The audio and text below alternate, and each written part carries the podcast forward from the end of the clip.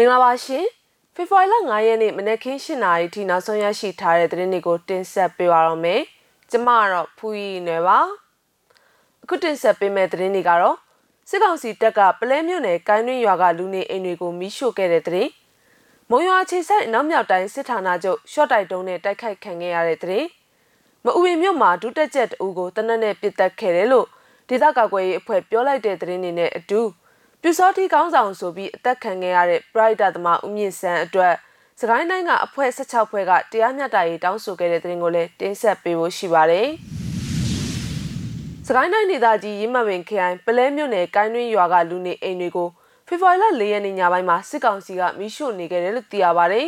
။အကြမ်းဖက်စစ်ကောင်စီကကျွန်တော်တို့ပလဲမြို့နယ်ကိုင်းတွင်းရွာကလူနေအိမ်တွေကိုမိရှို့နေပါတယ်။လူနေအိမ်တွေကမီးလောင်နေတော့ဆိုတော့အခြေအနေတွေကတော့ဘာမှပြောလို့မရသေးပါဘူး။ ဒေသခံတွေကတော့ဘေးလွတ်ရာကိုထွက်ပြေးနေကြရတယ်။ဖေဖော်ဝါရီလ9ရက်နေ့မနက်ကျမှအကြောင်းစုံသိရမယ်လို့ပလဲမြို့နယ်ဒေသခံတူကပြောပါတယ်။ဒီဇင်ဘာလ2ရက်နေ့ကလည်းမွေတုံရွာနဲ့ပန်းရွာကိုအာဏာသိမ်းစစ်တပ်ကအင်အားအလုံးရင်းနဲ့စီနေပြီးမီးရှို့သွားခဲ့ပါသေးတယ်။အဲ့ဒီကျေးရွာတွေကစစ်ဘေးဒုက္ခသည်တွေအတွက်စားနပ်ရိက္ခာစေဝါအဝတ်ထည်တွေအရေးပေါ်လိုအပ်မှုဖြစ်ပေါ်နေလို့လည်းသိရပါတယ်။ပလဲမြို့နယ်မှာစစ်ကောင်စီတပ်ရဲ့တပ်ဖြတ်မှုကြောင့် ဒေသခံကြေးရွာသား45ဦးထပ်မံတည်ဆုံးခဲ့ရတယ်လို့လည်းသိရပါတယ်။စကိုင်းတိုင်းမုံရွာမြို့နယ်အလုံမြို့ရှိစစ်ကောင်စီရဲ့နောက်မြောက်တိုင်းစစ်ဌာနချုပ်နမခအတွင်းကိုဖေဖော်ဝါရီလ3ရက်ညနေ9:38မိနစ်လောက်မှာရှော့တိုက်တုံးနဲ့ပြစ်ခတ်တိုက်ခိုက်ခဲ့တယ်လို့ဒေသကာကွယ်ရေးပျောက်ကြားအဖွဲ့ကပြောပါရယ်။ရှော့တိုက်တုံးနဲ့ပြစ်ခတ်တိုက်ခိုက်ခဲ့တယ်။ထိခိုက်မှုကတော့တက်တွင်းဆိုတော့မသိရသေးပါဘူး။အထိနာသွားတဲ့ပုံပါပဲ။လက်နက်ကြီးတွေနဲ့ဇက်တိုက်ပြန်ပစ်တယ်လို့ People Guerrillas Commando မြင်းမှုတပ်ဖွဲ့ဝင်တူကပြောပါတယ်။ရှော့တိုက်တုံးနဲ့ပြစ်ခတ်တိုက်ခိုက်ခံရပြီးတဲ့နောက်စစ်ကောင်စီတပ်ဘက်ကလက်နက်ကြီးအချက်ရည်30ကနေ50ကြားအထိပြန်လည်ပစ်ခတ်ခဲ့လို့ဆိုပါတယ်။ဒီတိုက်ခိုက်မှုကို People's Guerrilla Commando မြင်းမှုမုံရွာရန် People Group ဒုံးပြန် Local PDF နေကြ Local PDF အဖွဲ့နဲ့လှော်တက်အင်အားစု126တို့ပူးပေါင်းလှုပ်ဆောင်ခဲ့တာဖြစ်ပြီးပျောက်ကြားတပ်တွေအနေနဲ့ကင်းစွာဆုတ်ခွာနိုင်ခဲ့တယ်လို့လည်းသိရပါတယ်။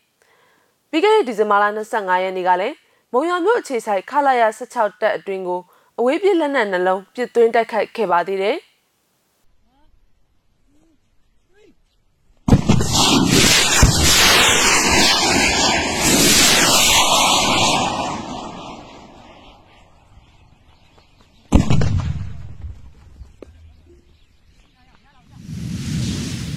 AR တိုင်းမအူပင်မျိုးမအူပင်မဲဇလီလမ်းပေါ်မှာ ဒုတက်ချက်စောကြည်လွင်ဆိုသူဖေဖော်ဝါရီလ၁ရက်နေ့ကတနက်နဲ့အပြစ်ခံရပြီးပွဲချင်းပြီးတည်ဆုံခဲ့မှုဟာသူတို့လှုပ်ဆောင်ခဲ့တာဖြစ်တယ်လို့မအူဝင် PDF အဖွဲ့ရဲ့အဖွဲ့ကွဲတင်မင်းလက်ရအဖွဲ့တာဝန်ခံပိုလက်ဝဲကပြောပါတယ်။စောကြည်လွင်ကတော့ပွဲချင်းပြီးတည်ပါတယ်။ကျန်တဲ့ဘုံပေါက်ကွဲတာကတော့တခြားအဖွဲ့ကလှုပ်တာထင်ပါတယ်။ဘုံပေါက်တာတွေကြောင့်ရဲတွေတည်လားမတည်လားဆိုတာတော့ကျွန်တော်တို့အဖွဲ့ကမသိပါဘူးလို့သူကပြောပါတယ်။မအူဝင်မြို့မှာဖေဖော်ဝါရီလ၁ရက်နေ့ကဘုံပေါက်ကွဲမှုတွေဖြစ်ပွားခဲ့တာပါ။ မအူပင်မြို့အဝင်ခတ်တရစစ်စေးဂိတ်မှာဘုံပေါက်ကွဲတာခရိုင်ရဲတပ်ဖွဲ့လိုင်းကန်အနီးဘုံပေါက်ကွဲတာနဲ့မလက်တိုရဲစခန်းဘုံပေါက်ကွဲမှုတွေဖြစ်ခဲ့ပါတယ်။မလက်တိုရဲစခန်းမှာဘုံပေါက်ကွဲခဲ့ပြီးရဲတူသေဆုံးပြီးတဲ့နောက်နှစ်ဦးတန်ရရှိခဲ့တဲ့ဆိုတဲ့သတင်းကိုတော့မီဇီမာကဆက်လက်စုံစမ်းနေဆဲဖြစ်ပါတယ်။စကိုင်းတိုင်းအရာတော်မြို့နယ်မလဲတာကြီးရွာရှိရဲရီးရွာရင်းနဲ့ Bright လုပ်ငန်းဒီမှာဥဆောင်ပါဝင်ခဲ့သူတူဖြစ်တဲ့ဦးမြင့်စန်းဆိုသူဟာဖေဖော်ဝါရီလ3ရက်ကတပ်ဖြတ်ခံခဲ့ရပါတယ်။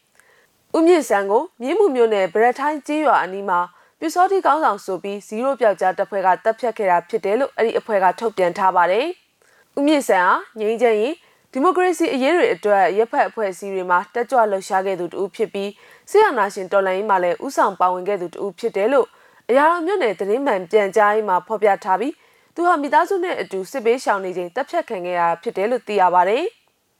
တိတိချင်းပဲကျွန်တော်တို့အနေနဲ့0အဖွဲ့ကိုပူးပေါင်းဆောင်ရွက်ပေးဖို့အတွက်ဓာတ်ရိုက်ဆက်သွယ်ပါတယ်အခုစာထုတ်တဲ့အချိန်အထိတော့အကြောင်းမပြန်လာသေးပါဘူးကိုမြင့်ဆန်းပေါဝင်လှူရှားခဲ့တဲ့အဖွဲ့အစည်းတွေနဲ့ဆက်သွယ်မေးမြန်းပေးတဲ့အပြင်ဖြစ်စဉ်နဲ့ပတ်သက်တဲ့အချက်လက်တွေကိုကျွန်တော်တို့စုဆောင်းပြီးပါပြီကိုဘက်ကလူတယောက်ကိုရှင်းပြရလောက်အောင်ထိကင်တွယ်မယ်ဆိုရင်သူကိုယ်တိုင်ညင်းမရပဲဝန်ခံရနိုင်လောက်တဲ့အထိတိကျခိုင်မာတဲ့အထောက်အထားရှိဖို့လိုပါတယ်ပြီးတော့ကိုယ့်ရဲ့ရွာကလူပါဒလန်သေးကြရင်ဖမ်းချုပ်စစ်ဆေးပြီးမေးမြန်းတာမျိုးအရင်လုပ်လို့ရပါတယ် အများရှိမှစစ်ဆေးမေးမြန်းလို့ရပါတယ်။ကိုဘက်ကပါခဲ့တဲ့လူကိုတန်တရားနဲ့အခုလိုဆုံးဖြတ်လိုက်တာကျွန်တော်တို့လက်မခံပါဘူး။ဘလို့မှမဖြစ်သင့်ပါဘူးဗျာ။ပြီးတော့တော်လန်ရေးမှာလုံးဝအမှားကင်းနေဆိုတာကြီးတော့မရှိနိုင်ဘူးဆိုတာကျွန်တော်တို့အနေနဲ့လက်ခံပါတယ်။အရေးကြီးတာကကျွန်တော်တို့တော်လှန်ရေးရဲဘော်တွေအနေနဲ့မှားရင်လည်းမှားခဲ့တာကိုရဲရဲဝန်ခံပြီးနောက်မဖြစ်ရအောင်သင်ခန်းစာယူကြပါမယ်ဒါမှသာ86လို့ရမယ်ဆိုပြီးယုံကြည်ပါတယ်လို့အရာတော်မြို့နယ်တော်လှန်ရေးအင်အားစုရဲ့ပြောကြားချက်ကိုအရာတော်မြို့နယ်သတင်းမှန်ပြန်ကြားရေးမှာဖော်ပြထားပါတယ်။ ဦးမြင့်စံကိုတပ်ဖြတ်ခဲ့တာနဲ့ပတ်သက်ပြီးပြူစောတိကောင်းဆောင်လို့ထင်ရှားခိုင်မာစေတဲ့တပ်တဲ့အချက်လက်တွေကိုထုတ်ပြန်ချပြပေးဖို့အပါအဝင် အချက်၃ချက်ကိုစကိုင်းတိုင်းအတွင်းရှိရပ်ဖက်အဖွဲ့အစည်း16ဖွဲ့ကတောင်းဆိုထားပါတယ်။ဒါပြင်မှားယွင်းတပ်ဖြတ်ခဲ့တာဖြစ်ရင်ကျူးလွန်မှုနဲ့ပတ်သက်ပြီးမှတ်တမ်းထားရှိပြီးပြည်သူအာဏာတည်တဲ့တနေ့မှာတရားဥပဒေရဲ့အဆုံးဖြတ်ကိုကျင့်တဲ့စွာလက်ခံမဲ့အကြောင်းဝန်ခံကတိပြုပေးဖို့လည်းပါရှိပါတယ်။ဇီရိုပြောက်ကြားအဖွဲ့ကတော့မီဇီမာကဆက်သွယ်မေးမြန်းမှုစ조사နေပေမဲ့ ဆက်သွယ်လို့မရရှိသေးပါဘူး။မီဇီမာ TV ရဲ့နောက်ဆုံးရသတင်းတွေကိုတင်ဆက်ပေးကြတာပါ။စောင့်မျှော်ကြည့်ရှုခဲ့ကြတဲ့ပရိသတ်တွေအားလုံးကိုကျေးဇူးအထူးပဲတင်ရှိပါရရှင်။